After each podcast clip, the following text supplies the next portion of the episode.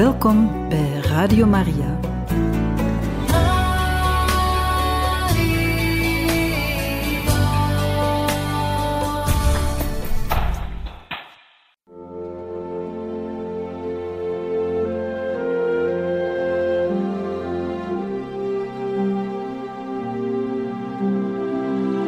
Beste luisteraars van Radio Maria, welkom bij het programma Catechismus.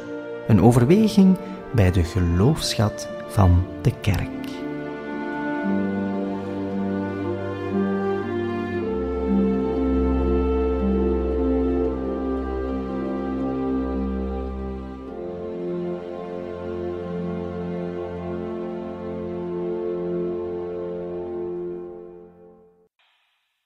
Van harte welkom, beste luisteraars, bij het programma Catechismus. Vandaag gaan we van start met een reeks die gegeven zal worden door priester Daniel de Witte over het symbolum van het geloof. Wat geloven wij als christenen? Beste luisteraars, wij beginnen vandaag een reeks opnames, een reeks weergaves van een catechese-reeks die wij gegeven hebben aan oudere vormelingen enkele jaren geleden, mensen tussen 17 en 18 jaar, en die dan ook effectief gevormd werden in het bisdom. Wat wij nu brengen is een uiteenzetting, een poging tot een beetje uiteenzetten van de geloofspunten van ons geloof aan de hand van het symbool van het geloof, de twaalf artikelen van het geloof. Maar laten wij eerst beginnen met een gebed tot de Heilige Geest. In de naam van de Vader, de Zoon en de Heilige Geest. Kom, Heilige Geest, vervul de harten van uw gelovigen en ontsteek in hen het vuur van uw liefde. Zend uw geest uit en wij zullen herschapen worden, en gij zult het aanschijn van de aarde vernieuwen. Laten we bidden. Heilige Geest van God, altijd opnieuw zijn wij door u onderwezen, om God onze Heer beter te leren kennen. Wij vragen ook vandaag en voor de volgende dagen om een waar inzicht en om een juiste kennis van Jezus Christus en van God, onze Vader. Amen. Ik zou deze reeks willen beginnen, omdat het een voorbereiding was op het vormsel, om iets te zeggen over het doopsel. We werden als kind gedoopt. Onze ouders wilden ons in het spoor van Jezus zetten. Waarom moesten wij eigenlijk gedoopt worden? Om bevrijd te worden van onze oude mens. Wat is dat, de oude mens? Dat is de mens die sinds de zondeval van Adam en Eva geboren wordt in een zondige mensheid. Niet geheel slecht, maar ook niet geheel goed. Onze ouders konden maar doorgeven wat ze zelf waren. En dat is deels goed en deels slecht. Dat is het tragische lot van elke mens. Hij zal kwaad doen en ook sterven. Daarom heeft God zelf zijn zoon gezonden om mens te worden zoals wij, maar niet in de zonde. Jezus is radicaal nieuw, helemaal goed. Hij droeg onze zonden en wonden tot op het kruis. Hij stierf voor ons, maar daar op het kruis stierf de oude mensheid. Jezus is verrezen en in Hem is de nieuwe schepping begonnen, waaraan wij deel mogen hebben door ons doopsel. We worden ondergedompeld in het doopwater, ook al is het in onze kerk maar een begieting, een drievoudige begieting met wat water. En dat is een symbool van ons sterven met Christus aan de oude mens, om te verrijzen, dat betekent om omgevormd te worden tot een nieuwe schepping. Door ons doopsel moeten wij niet meer zondigen. Moeten wij niet meer zondigen, want zonder dat doopsel zou dat eigenlijk een noodzaak zijn geweest. We zijn wel goed gemaakt, maar zoals een auto die goed gemaakt is, kan er een wiel aflopen. En het is bijna een noodzaak, een fatum, een, een noodlot, dat wij gaan vallen, dat er een wiel zal aflopen in ons leven. Sinds ons doopsel is dat noodlot, dat fatum, die noodzaak in feite overwonnen, in principe althans. We moeten het nog waarmaken, maar in ons doopsel werden wij een nieuwe mens, herboren in Jezus onze Heer. En wat is dan dat nieuwe leven? Het is een leven dat open staat voor God en voor de anderen, en dat niet meer alleen voor zichzelf leeft. De gesloten vuistjes van de baby gaan open tot gevende handen. Ons bestaan wordt een leven in God, in de liefde, en dat leven sterft niet meer. En na ons aardsleven verrijzen wij tot een nieuw leven in Gods eeuwigheid. Dat is de hemel. Maar dat begint nu al als wij leven voor God en de medemens. In het derde hoofdstuk van het Johannesevangelie zegt Jezus tot Nicodemus dat hij opnieuw geboren moet worden. Nicodemus verstaat dat niet. Je kunt toch niet in de schoot van je moeder terugkruipen, zegt hij. Jezus zegt: Je moet herboren worden uit water en geest. Dat water is al een verwijzing naar het doopwater, en de geest is de Heilige Geest. Jezus wil eigenlijk zeggen: Ja, Nicodemus, inderdaad, je kunt wel niet in de schoot van je moeder terugkruipen, maar eigenlijk moet je wel terugkruipen in de schoot van de eeuwige Vader. Je moet leren denken en handelen zoals God het doet. En Jezus toont ons hoe God is. God is liefde. Zouden wij dat ooit geweten hebben, beste luisteraars, als Jezus ons dat niet had gezegd? Zouden wij dat zonder Gods openbaring geweten hebben? Vele volken hadden en hebben hun godheden, maar vaak zijn die goden vreed en onmenselijk. Denk bijvoorbeeld aan Mexico, toen Columbus daar aankwam en de nieuwe wereld ontdekte. In Mexico geloofde men in de zonnegod die bloedige offers eiste, het hart van levende mensen dat zomaar uit het lichaam uit werd getrokken en geofferd werd aan de bloeddorst van die zonnegod. En toen is moeder Maria verschenen aan de heilige Juan Diego, onze vrouw van Guadalupe. En ze heeft aangetoond dat de echte ware God de God van het christendom is, en dat God geen offers wil van mensen, geen harten dus. Sinds Maria daar verschenen is in Guadalupe, konden de missionarissen de golf van dopelingen en bekeerlingen niet meer de baas. Of denk aan Afrika. Daar was veel angst en duisternis, omwille van het geloof in geesten en goden die het noodlot brachten. Onze christelijke missionarissen hebben daar veel mensen van die grote angst bevrijd. Eigenlijk leven wij, leren wij alleen van Jezus hoe God is. God is liefde. En Jezus leeft dat aan ons voor. Wat leert Jezus eigenlijk?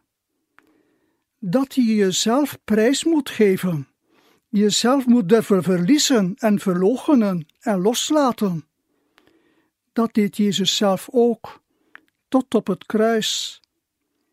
Kijk, Jezus leert ons een wiskunde, een rekenkunde, die niet van deze wereld is.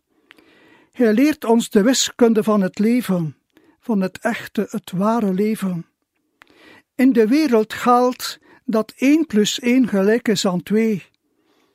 Maar in het leven is dat niet waar. 1 plus 1 is niet gelijk aan 2, maar is gelijk aan 0. Want als iemand een ander bij zich neemt, in welke relatie dan ook, ook in zakenrelaties, en als je dat doet alleen maar om van die ander te profiteren, dan gaan beiden ten onder. 1 plus 1 is 0. En het leven echter is één min één, gelijk aan twee of drie of vier, en dat streeft zelfs naar plus oneindig.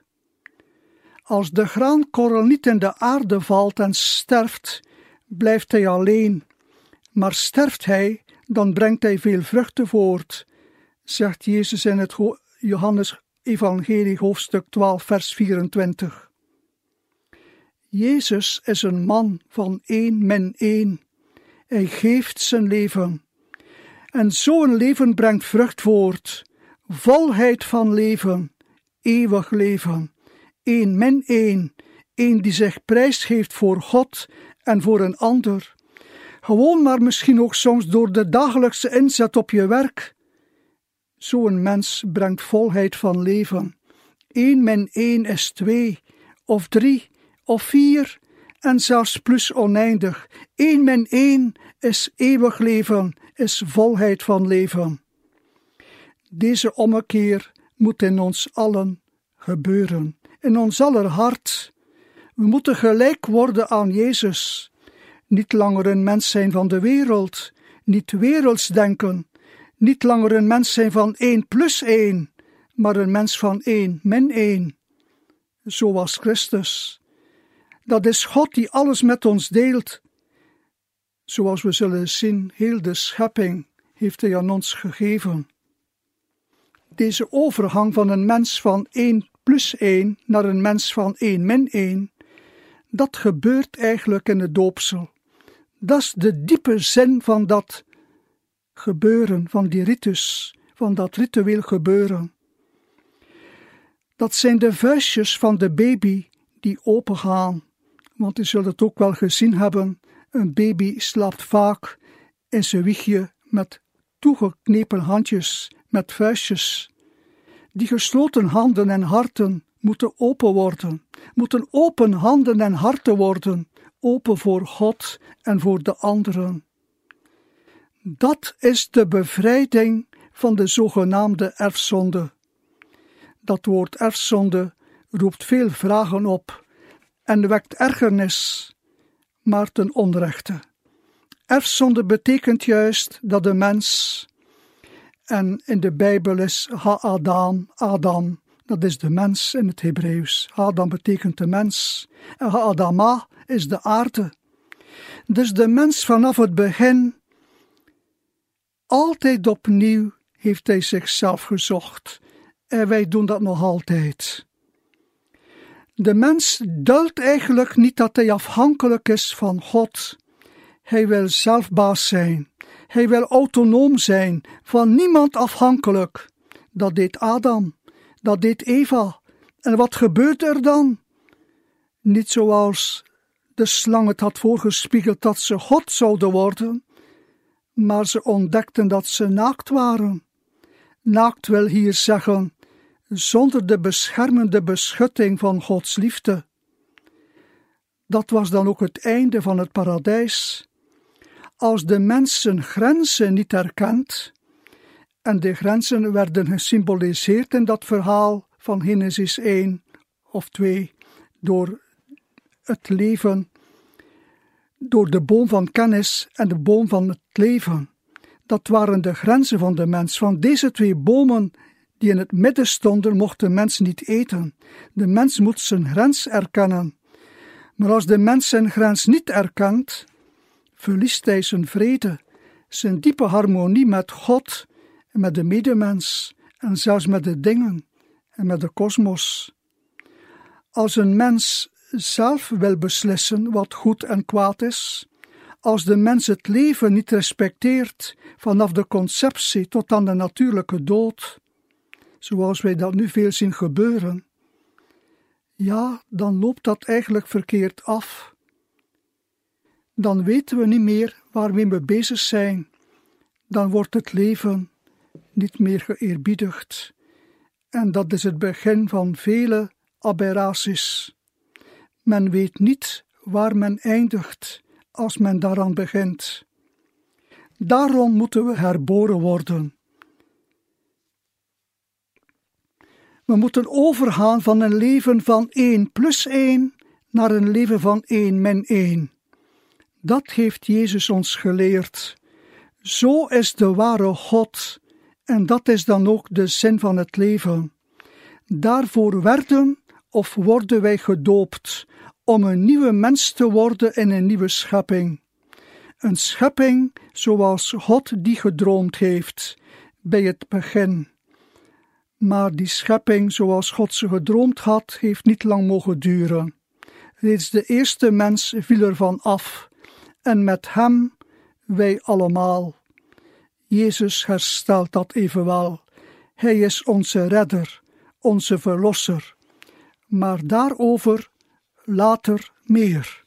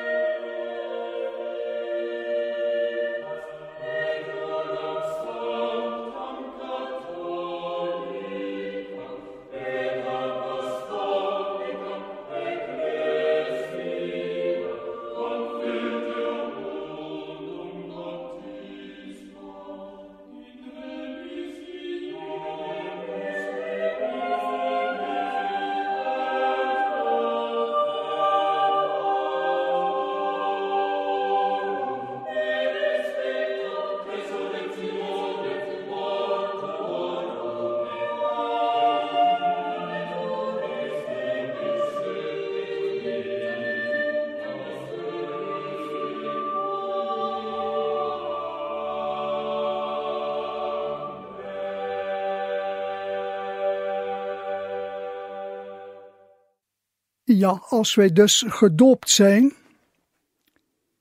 en beginnen te geloven als christen, waarin geloven wij dan eigenlijk?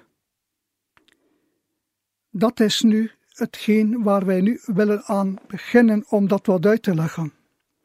Ik heb al gezegd, we doen dat aan de hand van het symbool van het geloof, de twaalf artikelen. En het eerste artikel is: Ik geloof in God, de Almachtige Vader, Schepper van hemel en aarde.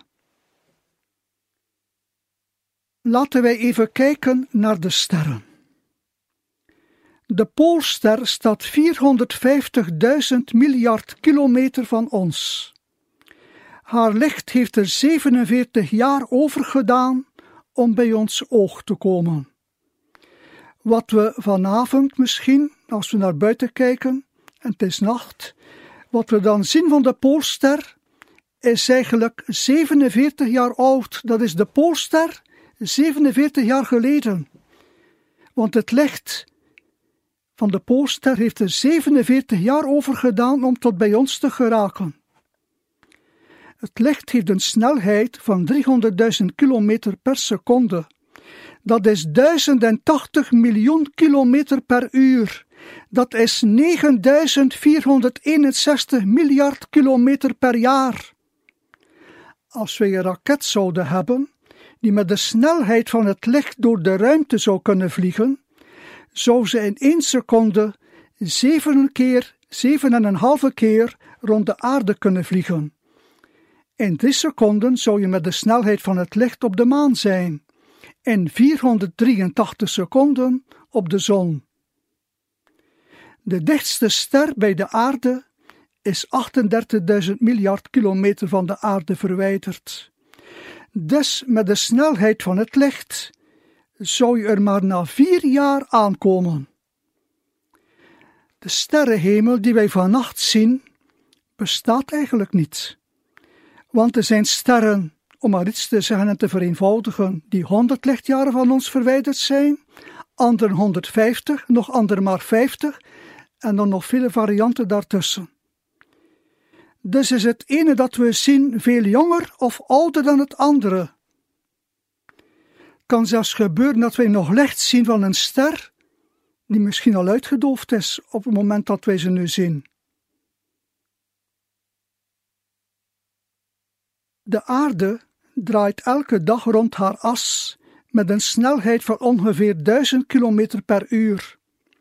En tegelijk draait ze tegen 108.000 km per uur rond de zon in een elliptische baan, anders zouden er geen seizoenen zijn. Ze draait dus niet in een cirkel, maar in een elliptische baan. Vandaar dat wij zomer en winter kennen en herfst en lente. Op haar beurt draait de zon met haar negen planeten rond zich, rond de kern van ons melkwegstelsel, met een snelheid van 70.000 km per uur. De ruimte, dat is een danszaal van onvermoeibare ballerina's. En laten we nu een keer kijken naar het kleinste. Hebben we nu naar het grote gekeken, laten we een keer kijken naar het kleinste. Er zijn 92 scheikundige elementen in heel de kosmos.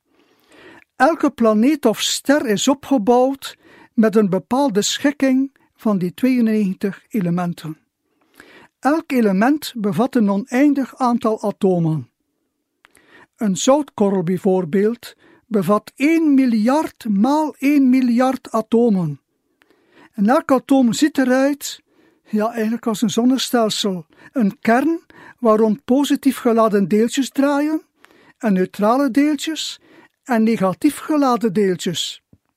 Deze laatste, deze negatief geladen deeltjes, noemen wij elektronen. In een zoutkorrel draaien een aantal elektronen rond de kern met een snelheid van 297.000 kilometer per seconde. En dat allemaal in die ene zoutkorrel. Een menselijke zenuw ziet eruit als een heel dunne koord. Ze bestaat uit een aantal zenuwvezels die op hun beurt deel uitmaken van een zenuwcel.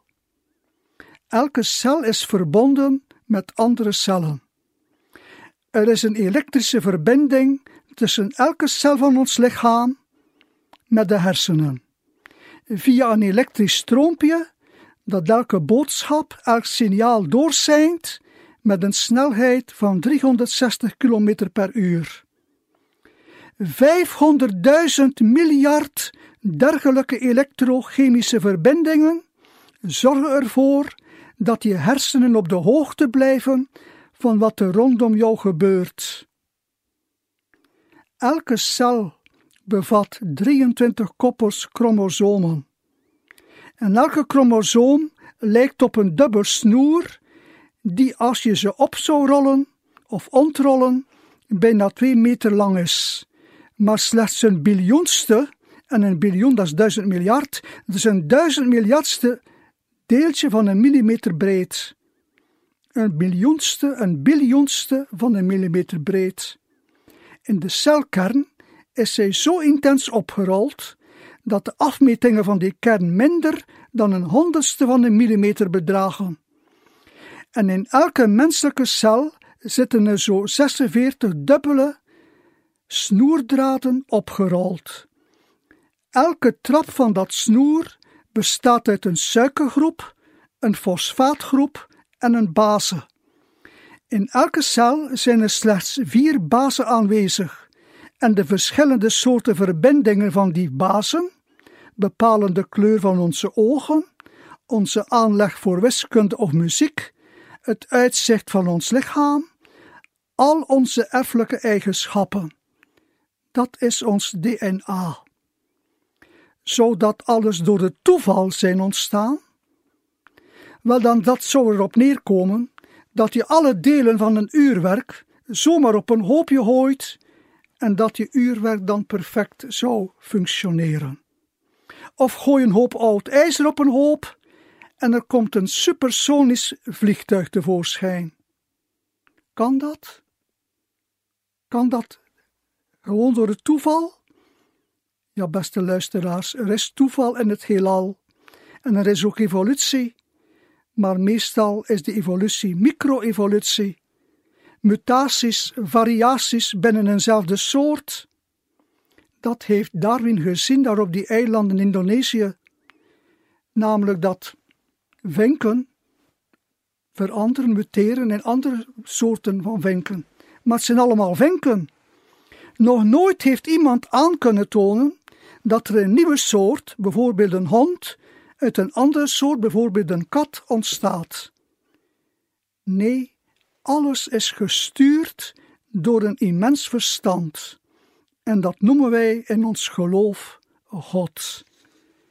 En deze God sprak en spreekt tot de mensen. Alle godsdiensten bevatten zaden van dat spreken van God. Maar nooit heeft God zo gesproken tot ons dan door zijn Zoon Jezus Christus. Jezus is dan ook het woord van God. God spreekt ook tot ons door ons geweten.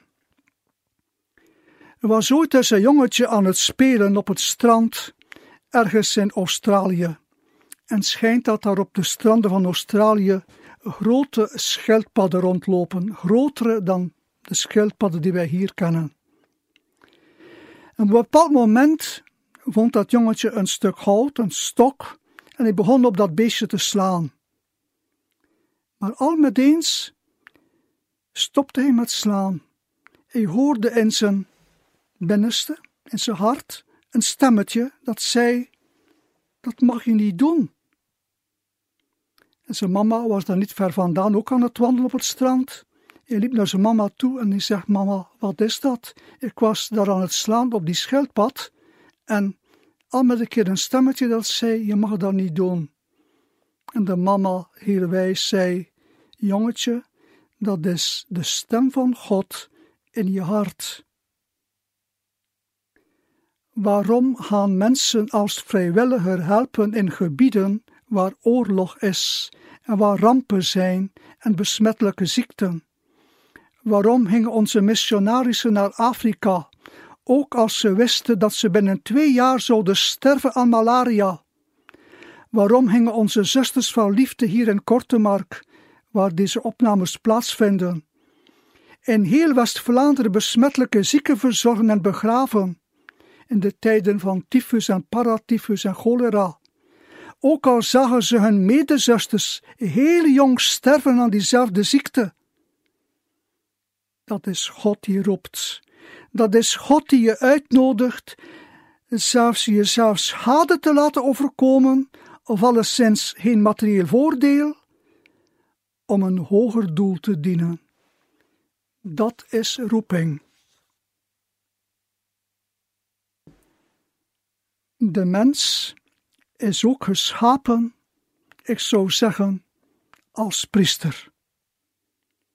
Adam en Eva waren geroepen om heel de schepping en zichzelf in kluis terug te geven aan God. Dat is onze roeping. Onszelf geven aan God. Dat is priester zijn. Niet zozeer het ambtelijk priester zijn van de gewijde man die Christus tegenwoordig stelt voor ons en onze sacramenten toedient, maar het algemeen priesterschap van de gelovigen. Maar Adam en Eva gaven zichzelf niets. Zij grepen, zij pakten. Dat doen wij eigenlijk allemaal. Vandaar het bezoedelde milieu. Vandaar ook, maar dat is wel delicaat om dat te zeggen, het niet meer trouwen van onze mensen. Maar ik werp niemand een steen. Onze jonge mensen weten het eenvoudig niet meer, dat ze elkaar moeten ontvangen uit Gods hand. En zijn er wel die na een tijdje dat doorhebben en dan in hun hart God danken dat ze elkaar gevonden hebben, dat God hen aan elkaar gegeven heeft. Misschien kan dat voor sommigen zelfs uitlopen op een kerkelijke dankzegging. Dat zou veel meer nog moeten gebeuren. Maar zelfs als het niet gebeurt in een viering, mocht het dan toch gebeuren in het hart van vele mensen. Dan geef je jezelf eigenlijk terug aan God, dan erken je dat je de ander eigenlijk moet ontvangen uit Gods hand. Dat is je gedragen als priester. Adam en Eva, en wij meestal ook, doen dat niet. Dat niet doen, dat niet teruggeven aan God, dat niet ontvangen, maar dat grijpen, dat pakken, dat is eigenlijk de zonde. En Jezus is dat komen herstellen. Jezus gaf zich totaal aan God voor ons. Hij kwam om Gods wil te doen. Sinds ons doop zijn ook wij priester. We mogen onszelf geven aan God en aan de anderen. En deze zelfgave is ons geluk. En de moeder van Jezus, onze hemelmoeder, is ons daarbij een voorbeeld. Als de engel Maria komt vragen of zij de moeder wil worden van de Verlosser, zegt ze drie dingen. Ten eerste, Exje, dit is hier ben ik. Dat is eigenlijk de vertaling van het Hebreeuwse hineni. Hier ben ik. Dat is ook hetgeen bij een priesterwijding of bij een professie van een zuster, bij een diakenwijding geschiet. Willen de kandidaten voor het priesterschap of de kandidaat naar voren komen. En dan zeiden wij: Hier ben ik. Ze noemde je naam, ze riep je naam af: Hier ben ik. Dat is eigenlijk het Ginenni. Ik moet eerlijk toegeven, beste luisteraars, dat ik dat op, mijn op het moment van mijn wijding nog niet goed beet had.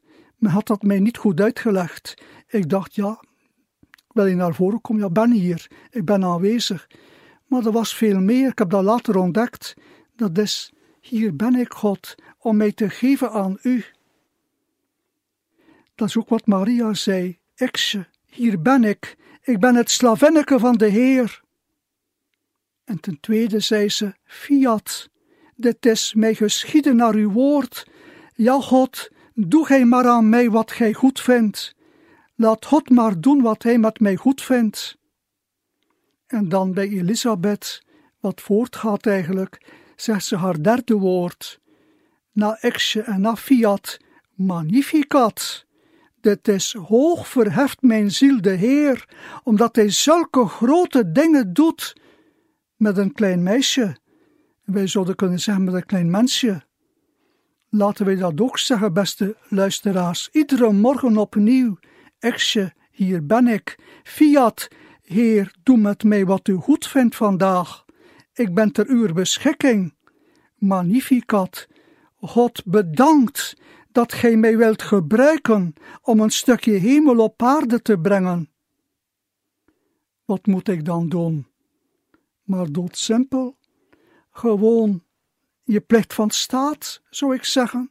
Als je jong bent, kind of jongere of student, dan moet je studeren en het beste van jezelf daarin geven. Ook in je stages, je bekwamen om goed je beroep te kunnen uitoefenen ten dienste van de maatschappij later.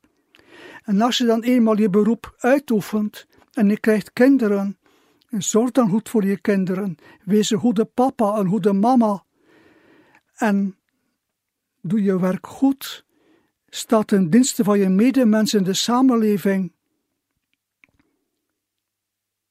En als je dan wat ouder wordt en op pensioen gaat en opa en oma wordt en zo, Zorg dan voor je kleinkinderen, geef het goede voorbeeld, vertel hen over Jezus, vertel hen over God, vertel hen over je eigen leven, wat je allemaal meegemaakt hebt, hoe dat je gegroeid bent in het geloof. En doe wat vrijwilligerswerk. En bij dat alles, hé, bij alles wat we doen, mag je ook echt genieten. Op een gezonde manier, maar nooit tegen Gods geboden. Altijd volgens Gods wil. Als je jong bent, geniet van het leven. Geniet van het uitgaan, maar doe alsjeblieft geen zonde. Als je ouder wordt ook, ga naar, ga op reis, neem ontspanning, doe van alles wat, wat je kan ontspannen, wat je rust geeft, maar doe geen zonde. Laat altijd God God zijn in je leven. Ten slotte wil ik nog dit zeggen. Eigenlijk betekent het niets te weten dat God bestaat.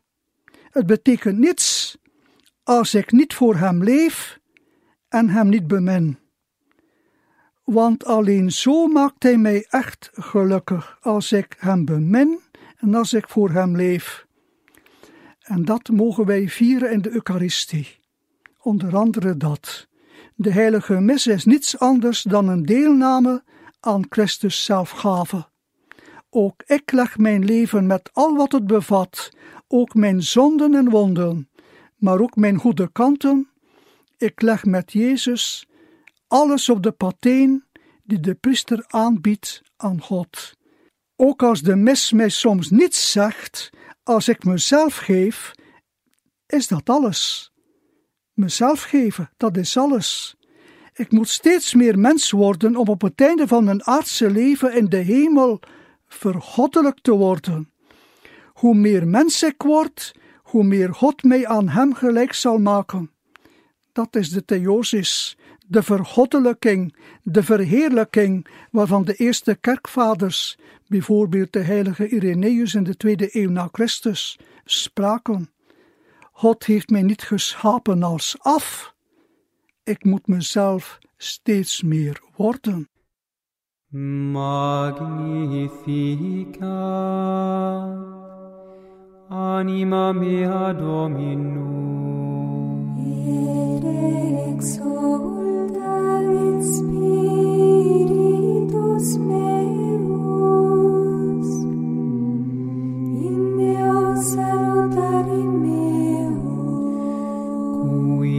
mare spexit humilitate mansile sue. Ex enim ex hoc beata medis in domnes generationes.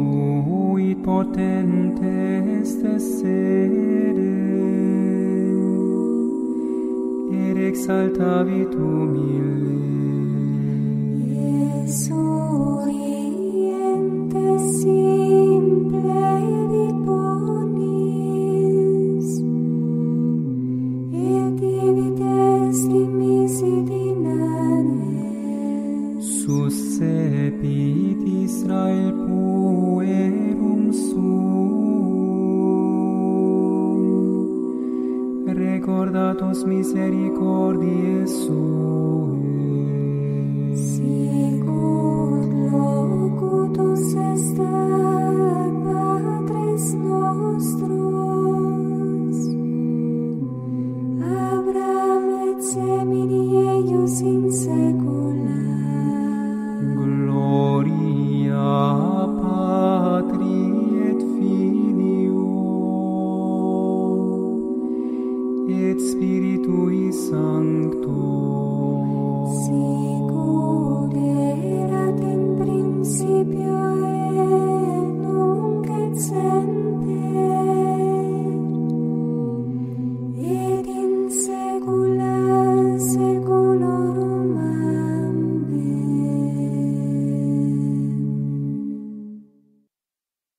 En zo zijn we, beste luisteraars, aan het einde gekomen van deze eerste catechese van priester Daniel de Witte over het symbolum van het geloof. Wij wensen u nog een zeer mooie dag toe.